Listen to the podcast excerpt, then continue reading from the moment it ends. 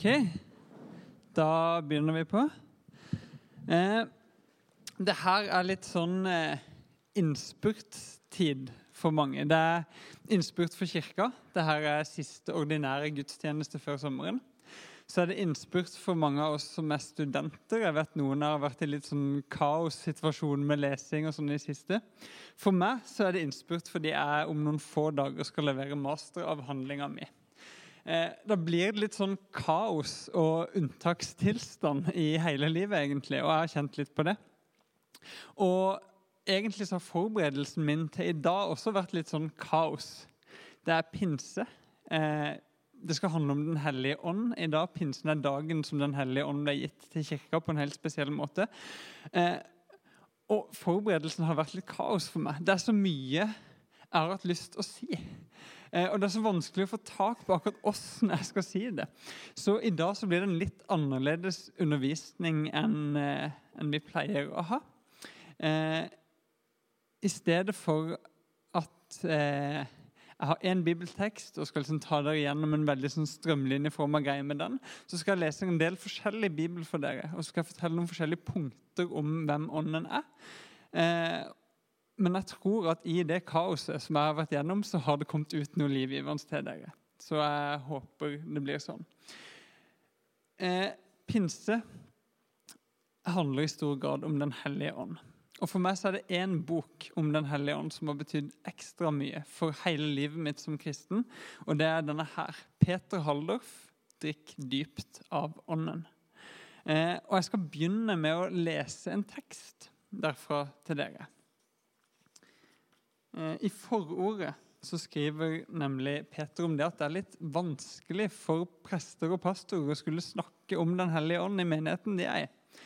Og han sier at denne vanskeligheten forsterkes at ingenting er så skjørt og sårbart i et menneskes liv som de mest intime åndelige erfaringene. Veiledningen om, veiledningen om ånden rører ved et område ikke så få av oss bærer på dype erfaringer om skuffelse og frustrasjon. Når uforsiktige åndelige ledere har misforstått sitt mandat, har noen tatt så stor skade at det har krevd år av legedom før man har orka å høre om noen hellige ånd en gang. Mens andre har i årevis søkt åndens gave med de medfølgende opplevelsene. For til sist å trekke konklusjonen at nei, jeg hører ikke til blant de utvalgte. Når jeg nå skriver, er det også for alle som bærer på en uforløst lengsel etter ånden, eller som har følt seg krenka av en karismatisk åndelighet som med tvilsomme metoder har trengt seg inn i menneskers innerste rom.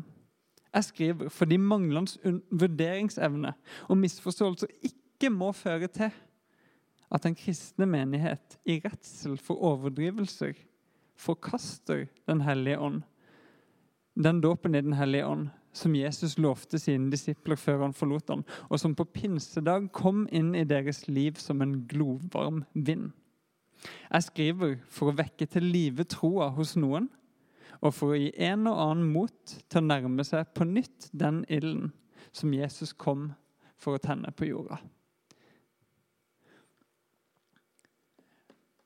Jeg kjenner ikke historien til alle dere, men jeg gjetter på at det fins en del av begge de Peter skrev om her.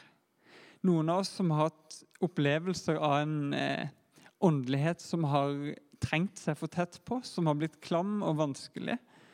Og andre av oss som har kjent på at ja, det her med Den hellige ånd det er så fjernt for meg. Og jeg skulle så ønske, men det har ikke skjedd noen ting. Så jeg håper at jeg kan gjøre litt av det Peter Haldorf skrev om her, i løpet av denne lille halvtimen jeg skal ha med dere.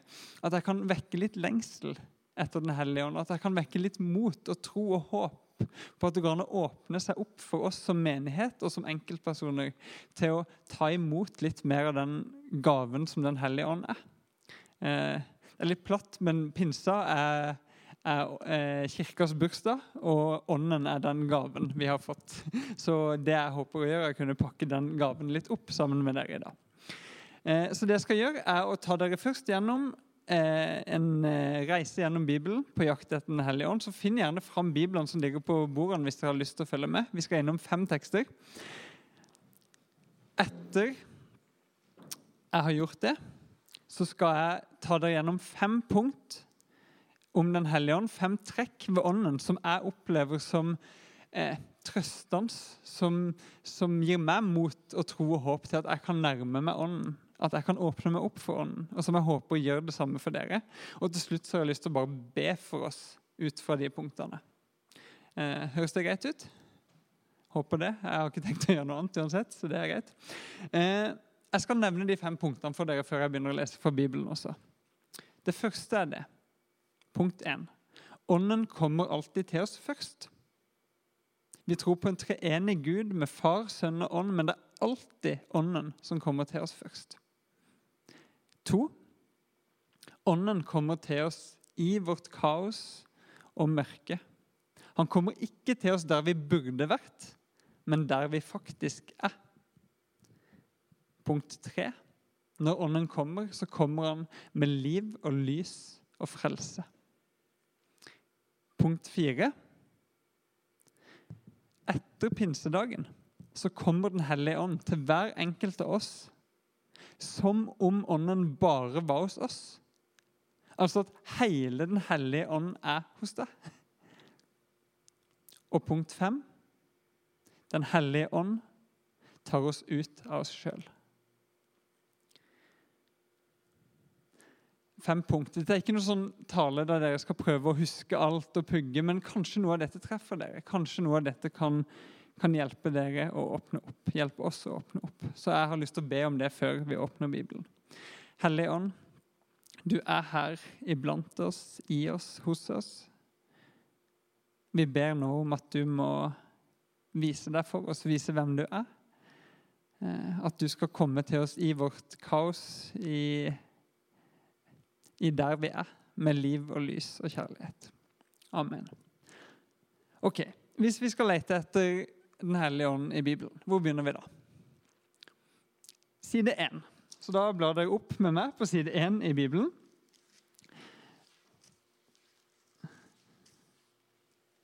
Første Mosebok, kapittel 1, vers 1. Der står det I begynnelsen skapte Gud himmelen og jorda. Jorda var øde og tom, mørket lå over dypet, og Guds ånd svevde over vannet. Da sa Gud, det skal bli lys, og det ble lys. Gud så at lyset var godt, og Gud skilte lyset fra mørket. Helt fra begynnelsen så er Den hellige ånd der sammen med Gud, som sier ordet, og det blir lys, og liv midt i kaos, tomhet og mørke. Og så møter vi Den hellige ånd gjennom hele Bibelen etter det. Og Vi skal heldigvis ikke se på alle de tekstene i dag, for da hadde vi blitt værende. I hele Gamle Testamentet ser vi Ånden komme til utvalgte personer, profeter, konger og forskjellige, for å utruste dem for å komme med liv og lys til, eh, til folket. Men vi skal bla forbi alle dine, og vi skal bla til Det nye testamentet. Så hvis du blar med meg til side 1160 i de biblene som ligger her, så kommer vi til Lukasevangeliet, side 1160. Og der møter vi ei ung jente, kanskje 13-14-15 år, som får besøk av en engel. Og Når det står engel i Bibelen, så ikke se for deg vinger og hele pakka. Det er en budbærer fra Gud, et sendebud. Eh, og sendebudet fra Gud sier at du skal bli mor til ei konge. En konge. Og Maria, denne tenåringsjenta, sier eh, hæ? Det går ikke an. Magen min er øde og tom. Jeg har ikke vært sammen med noen mann. Jeg har ikke hatt sex engang. Det her går jo ikke. Lukas kapittel 1 vers 35. Engelen svarte. Den hellige ånd skal komme over deg, og den høyestes kraft skal overskygge deg. Derfor skal barnet som blir født, være hellig og kalles Guds sønn. Nok en gang, som i skapelsen, så kommer Ånden og lager en ny begynnelse. Her blir Guds sønn menneske. Her kommer Ånden og unnfanger Gud som et menneske på jorda. Eh, her så kan vi lese det i en fortelling. Johannes evangeliet gir oss det mer som et dikt. Så hvis dere blar med meg videre til side 1207, så møter vi Johannes kapittel 1. Jeg kunne egentlig lest alt, men det skal jeg ikke gjøre. Jeg skal lese Johannes kapittel 1, vers 14 for dere. Der står det at ordet ble menneske og tok bolig iblant oss, og vi så hans herlighet, en herlighet som den enbårne sønn har fra sin far, full av nåde og sannhet. Ordet ble menneske.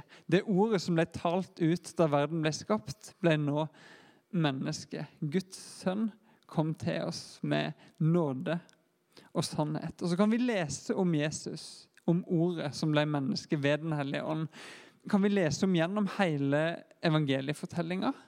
Vi kan lese om at ånden dreiv Jesus ut i ødemarka, at ånden dreiv Jesus og utrusta Jesus til å undervise, til å gjøre under, til å møte forskjellige mennesker. Vi kan si at ånden dreiv Jesus til korset, til å dø for våre synder. Og så står det faktisk at det var ånden som reiste Jesus opp fra de døde. Vi skal møte Jesus etter han var stått opp fra de døde. Så hvis dere blar videre til slutten av Johannes evangeliet, side 1237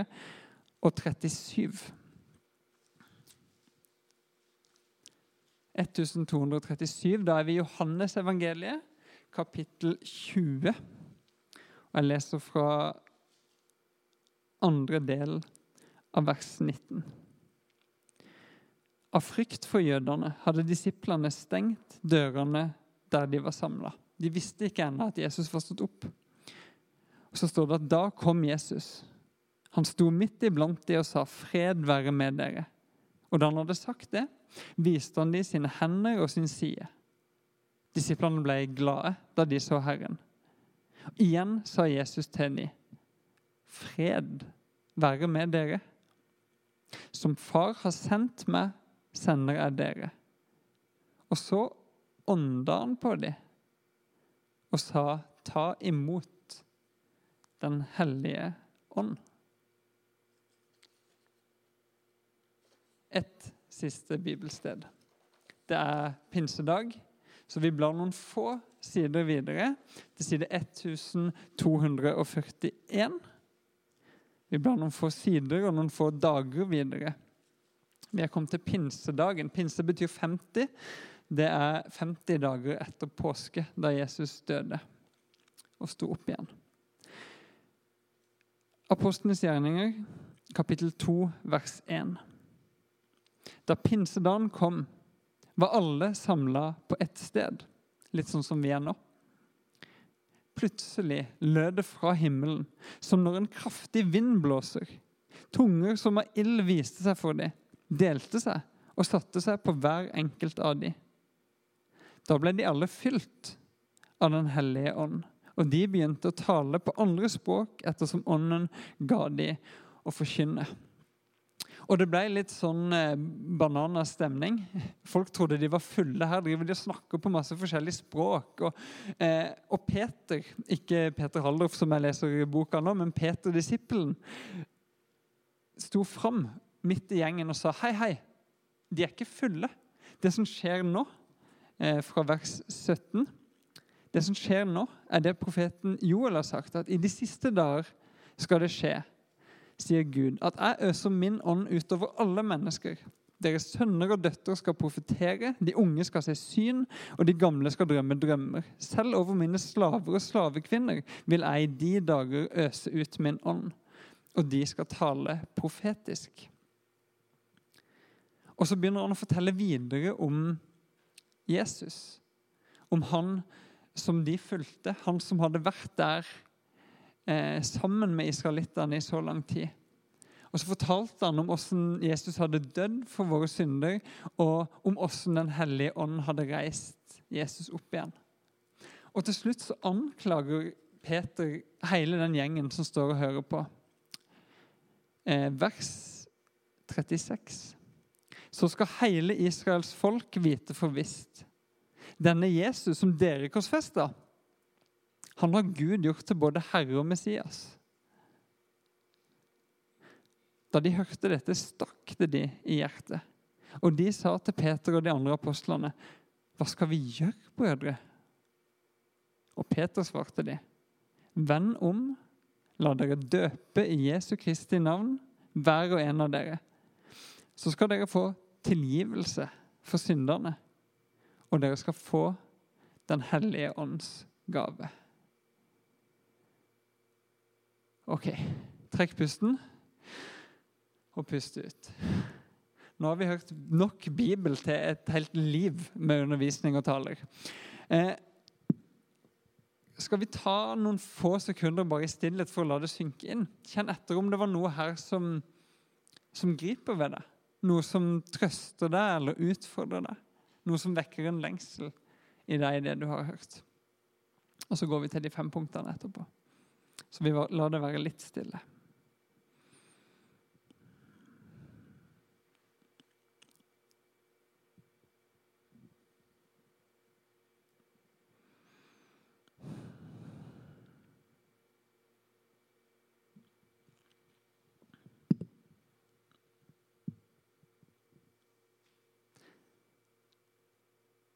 Da begynner jeg på. Punkt én, dere hørte det i stad. Den hellige ånd kommer alltid først. Ånden er alltid sammen med far, Gud, og sammen med sønnen, Jesus. Men når de er sammen, så er det ånden som kommer aller først av de tre. Sånn som i skapelsen. Vi leste at ånden svevde over vannet før ordet ble talt, og alt ble liv og lys. Sånn som i unnfangelsen til Jesus, der ånden kom og overskygga Maria med kraft fra det høye før Jesus ble menneske. Og sånn som på pinsedagen, da det plutselig begynte å blåse, og tunger som av ild satte seg på disiplene, før de begynte å fortelle og undervise om hvem Jesus var. Før folk kom og ble døpt, før kirka ble til, så var det Ånden som var der i begynnelsen. Og sånn er det også for oss. Og Det er kanskje litt overraskende. Kanskje tenker du at nei, nei, nei, i min tro er det ikke sånn at Ånden kom først. Altså, Jeg begynte å skjønne da jeg var liten at det finnes en Gud, kanskje, og så ba jeg til han. og så Da jeg var ungdom, eller et eller annet, så begynte jeg å få et personlig forhold til Jesus. og sånn, Men Ånden, nei, det er noe sånn eh, mystiske greier på sida. Eh, det er noe for de viderekommende. Da vil jeg si nei. Det er ikke sånn det er. Og Jeg skal lese et sitat her fra Peter Hallorfen. Eh, han sier det. Jeg syns det her er så nydelig. At mange kristne kan med bestemthet si når de første gang møtte Jesus på en personlig måte. Men ingen kan med sikkerhet si når de første gang ble berørt av Den hellige ånd. For Ånden virker i vårt liv lenge før vi blir klar over det. Ånden virker i våre liv før vi blir klar over det.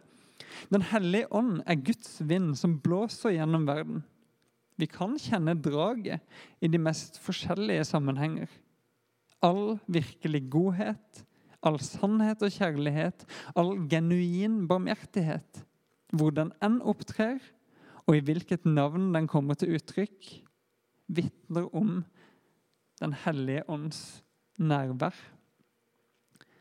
Ånden kommer til oss først. Vekker en lengsel etter Gud i oss, etter det gode, etter kjærligheten. Det at du er her i dag, jeg vil si at det er pga. Den hellige ånd. En dragning til å komme til kirka, til å komme til der Jesus er, til der kirka er. Eller når du etter å ha vært på en gudstjeneste eller lest i Bibelen kjenner at å, nå ser jeg Jesus klarere. Dette gjør noe med relasjonen min til Jesus. Da er det Ånden som har vært der og gjort noe i det.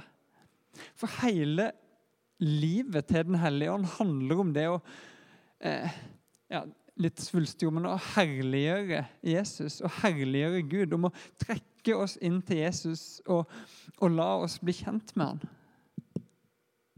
Ånden er ikke så interessert i å få oppmerksomhet sjøl. Ånden er der for å vise oss Jesus. Punkt to.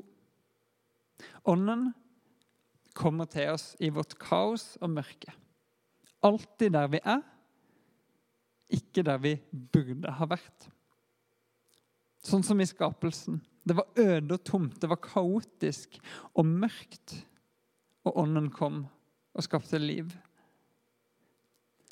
Eller som med Maria, der magen var øde og tom, og hun får et budskap fra en engel og blir kjempeforvirra. Så kommer ånden til henne der, i forvirrelsen, og skaper liv. Eller som etter oppstandelsen, da de redde disiplene gjemte seg. Så kommer Jesus inn til de der de er, ikke der de burde ha vært, men der de er, og sier 'ta imot Den hellige ånd'. Eller som på pinsedagen, da de satt samla, og ånden bare kom til de der de var. Og til og med til de som Peter anklagde for at dere har drept Messias, dere har drept Jesus. Til og med dit kom ånden, og Peter kunne si at Vend om, bli døpt, ta imot tilgivelse, ta imot Den hellige ånd. For ånden kommer ikke til oss fordi vi har fortjent det, fordi vi har kommet opp på et eller annet høyt nivå. Ånden kommer til oss der vi er. Sånn er det også for oss. Både første gang du tok imot Den hellige ånd, og i det daglige. Jeg kjenner for meg i disse siste ukene, når jeg har skrevet skrevet masteravhandling og prøvd å forberede denne undervisninga og hatt en del andre ting å bekymre meg over, så har det vært så mye kaos. Jeg har bare vært nødt til å stole på at ånden kommer inn i det og skaper liv. Jeg er avhengig av det. Og jeg tror også det er det som skjer. For ånden, når ånden kommer, så kommer ånden alltid med liv og lys og frelse. Ikke som en kraftig vind som vil ødelegge oss, men som en mild og varm vind som vil gi oss liv. Sånn som i skapelsen, da, da ånden svevde over vannet, og det, det, førte til liv og lys. Og Gud kunne si at 'Å, det her er godt'. Eller som i unnfangelsen, der ånden var med og gjør Gud til et levende menneske, der ordet ble menneske og gikk iblant oss og kom med frelse. Der ånden gjorde at det, det fantes en frelser iblant oss. En som gikk til korset for våre synder. En som sto opp igjen fra de døde for oss. For at vi skulle få liv. Og så er det sånn i pinsen at Ånden kommer med liv og lys og frelse. Skaper liv i kirka. Altså Det er jo ikke en dag der kirka blir stifta som organisasjon, og du har møte og skriver under på en kontrakt. Dette er dagen der kirka blir levende. Der det skjer noe med de som er der. Der det blåses liv i alt de gjør, i ordene de sier, i kjærligheten de har til hverandre og til verden. Og så kommer det med frelse med en gang. Masse folk var der, hørte på, fikk en anklage. Dere har drept Jesus, men her skal dere få tilgivelse.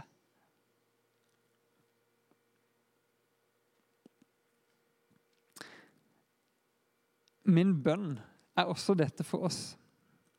At Ånden skal få lov til å komme inn i våre liv og inn i menigheten vår og blåse liv i det vi gjør. Og i våre møter med Bibelen, våre, eh, når vi lytter til en gudstjeneste, når vi er i lovsang, at Ånden skal komme og blåse liv i det. Og så ber jeg samtidig om at vi skal få lov til å hvile i at Ånden har allerede frelst oss. Vi kan lengte etter mer av ånden, mer av eh, at ånden gjør noe i livene våre, men, men frelsen er gitt oss. Fordi ånden har tatt Jesus med til oss, tatt frelseren med til oss. Tatt nåde og sannhet og tilgivelse med til oss. Ånden er her hos deg nå. Punkt fire. Peter Haldorf sier at etter pinsen så kommer Ånden til hver enkelt som om du var den eneste som Ånden var hos. Hele Den hellige ånd er hos deg personlig. Ikke bare sånn som da Ånden svevde over dypene i skapelsen. Ånden er fortsatt til stede i verden sånn. Overalt, alltid til stede, skaper liv. Men mer enn det. Og ikke bare som i Gamle testamentet, der vi kan se glimt av at noen blir utrusta, noen får et budskap. Men sånn som i pinsen, der ånden deler seg opp og plasserer seg på hver enkelt person. Og da til og med alle de som var der og fikk høre anklagen fra Peter, fikk lov til å komme og bli døpt. Og det sto at de tok imot Den hellige ånds gave. Sånn er det også for deg. Den hellige ånd er helt og fullt hos deg etter din dåp, om det var som voksen eller barn, og i din tro. Om den er svak eller sterk, så kommer ånden til deg fordi du har vendt deg mot han og tatt han imot. Og om du ikke allerede har gjort det, så kan du bare vende deg mot han og ta imot, for ånden vil komme til deg. Ånden er interessert. Ånden er genuint interessert i deg.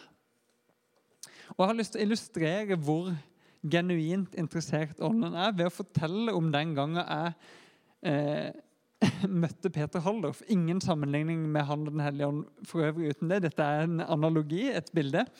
Men jeg, jeg var en gang og hørte han her, Peter Haldorf, som er i begynnelsen av 20-årene hadde begynt å lese, lytte til talere. Og han betydde så mye for livet, livet mitt. Så kommer han til Oslo.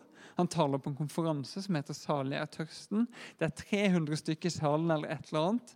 Og i løpet av talen så sier, eller undervisninga så sier han noe som jeg tenker Oi, det der får meg til å lure på noe. Her må jeg stille henne spørsmål. Men du vet hvordan det er hvis det er en eller annen du ser veldig opp til, så kan du bli litt sånn «Eh, eh, Skal jeg tørre det her? Går dette? Han har snakket med 300 stykk. Er han interessert i å snakke med meg? For ok, ja, nei, men jeg, må, jeg, jeg går bort, jeg snakker med han. Så, så går jeg bort, og så sier jeg eh, Unnskyld, eh, kunne jeg stilt et spørsmål? Og så sier han ja! og ser meg dypt inn i øynene.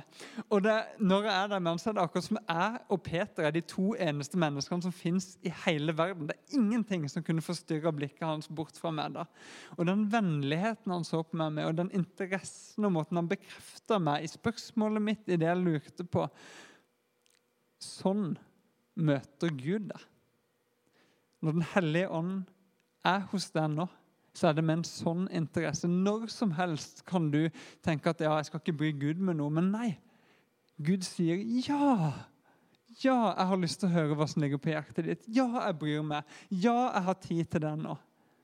Og Sånn er Ånden hos deg, og når Ånden er hos deg, er Sønnen hos deg, og da er Faderen hos deg. Den treenige Gud er hos deg med et stort ja.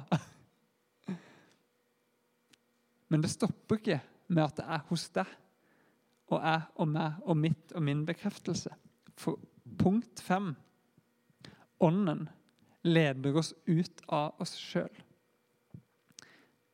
Når jeg leser om sånne her ting som pinsedagen i Bibelen, der de begynner å snakke masse forskjellige språk, og det er kaos, og folk lurer på om de er fulle, så kjenner jeg at uh, det her liker ikke jeg så godt. Jeg liker å ha, ha det litt nedpå, jeg liker å ha kontroll. Og Det er litt det samme hvis jeg går på et karismatisk bønnemøte, og det gjør jeg av og til i forskjellige settinger, eh, og det blir tungetale og det blir hurra meg rundt-stemning, så blir jeg litt sånn wow, roa ned nå. Eh, det er en eller annen sånn form for ekstase som for noen kristne er bare det mest fantastiske de kan tenke seg. Og for andre, jeg tipper for ganske mange her i Bjølsen, er litt sånn uh, Ja, åssen er det her, da? Ekstase. Men uh, Peter Haldorf igjen har gitt meg lyst på litt mer ekstase. Jeg skal lese et sitat til fra han. For han har gitt meg et nytt blikk på hva ekstase er for noe. Han sier at å bli fylt av Den hellige ånd er en opplevelse som får oss til å gå ut av oss sjøl. Slippe kontrollen og vilkårsløst gi oss hen til den andre altså til Gud. Å gå ut av seg sjøl og, og, bare gi seg hen. Og så begynner han å snakke litt om det her ordet ekstase. Det ligner litt på Exodus. sant? De to ordene har samme rot. Exodus er navnet på den andre boka i Bibelen. Og det er fortellinga om da Israel ble tatt ut av slaveriet i Egypt og inn i frihet og en relasjon med Gud. Og vår egen frelse, når du kom til tro da du ble døpt, så er det din exodus. Da du ble tatt ut av syndens og selvopptatthetens slaveri og tatt inn i friheten som ligger i å få lov til å høre til Gud og være frelst. Så, som Peter sier, kanskje burde vi ikke være så redde for ekstasen på det åndelige området. En sann ekstase i Den hellige ånd gjør oss ikke ikke til introverte og selvopptatte, men den befrir oss fra navlebeskuelse og selvopptatthet og fører oss til en fellesskapets forening med Gud. Han bruker litt store ord, som dere har hørt. Leder oss til fellesskap med Gud og til vår neste, skriver han. Og litt lenger ned. I virkeligheten er mennesket aldri nærmere sitt mest ekte jeg enn når det er ute av seg sjøl i Den hellige ånd. En sånn ekstase vil jeg ha. Der jeg går ut av min selvopptatthet og løfter blikket til Gud og blir oppslukt i Han. Eller en sånn ekstase der jeg går ut av meg sjøl og vender blikket mitt til dere og til andre mennesker rundt meg. fordi det handler ikke om meg, men det handler om kjærligheten til andre mennesker. Det er en sånn ekstase ånden leder oss til. Alltid. Det er ikke sensasjonene først og fremst som er poenget med ekstase. Men det er det å gå ut av seg sjøl. Så kan sensasjonene være der. Men poenget er aldri sensasjonene i seg sjøl. Når vi leser videre i Bibelen, f.eks. om åndens frykt og åndens gaver, så kan vi for se i Galaterbrevet at åndens frykt det er kjærlighet, glede, fred, vennlighet, overbærenhet, trofasthet, godhet, ydmykhet. Nesten alle de ordene er relasjonelle. Det handler om at ånden gjør noe i det, sånn at du møter mennesker på en annerledes måte. Og når vi leser om åndens gaver, nådegavene, enten det er de overnaturlige, heftige tingene som helbredelse og tungetale og, eh, eh, og profetisk budskap på det ene og andre, så er de alltid der for å hjelpe andre mennesker, for å hjelpe menigheten, for å løfte blikket ut mot andre. Og så har du de mer sånn hverdagslige, naturlige nådegavene som tjeneste, undervisning, å kunne gi og være raus. Alle disse tingene handler alltid om å gå ut av seg sjøl, vende blikket til andre.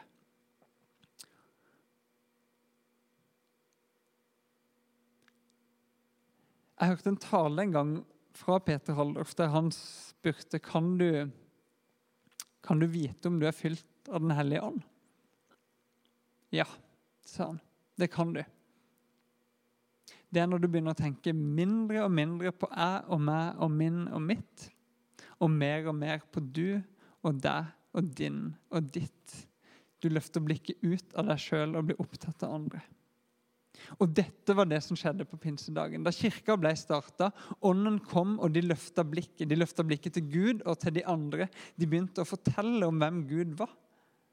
Pinsen er en dag som menigheten, kirka, blir sendt ut til verden for å bety en forskjell, for å komme med kjærlighet og for å komme med evangeliet om nåde og sannhet. Det var mine fem punkt i dag.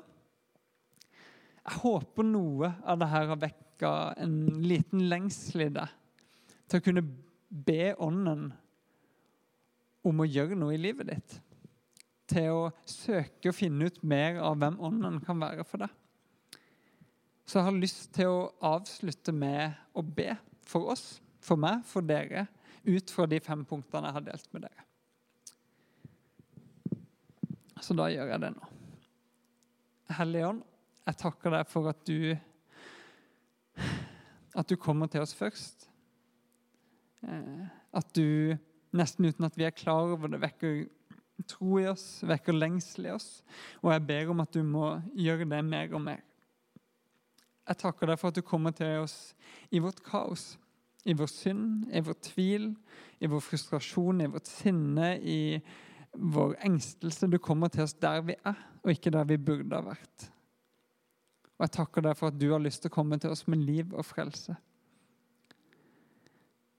Jeg takker deg for at du er hos oss at du etter pinsen bor hos hver enkelt av oss som har valgt å tro på Jesus.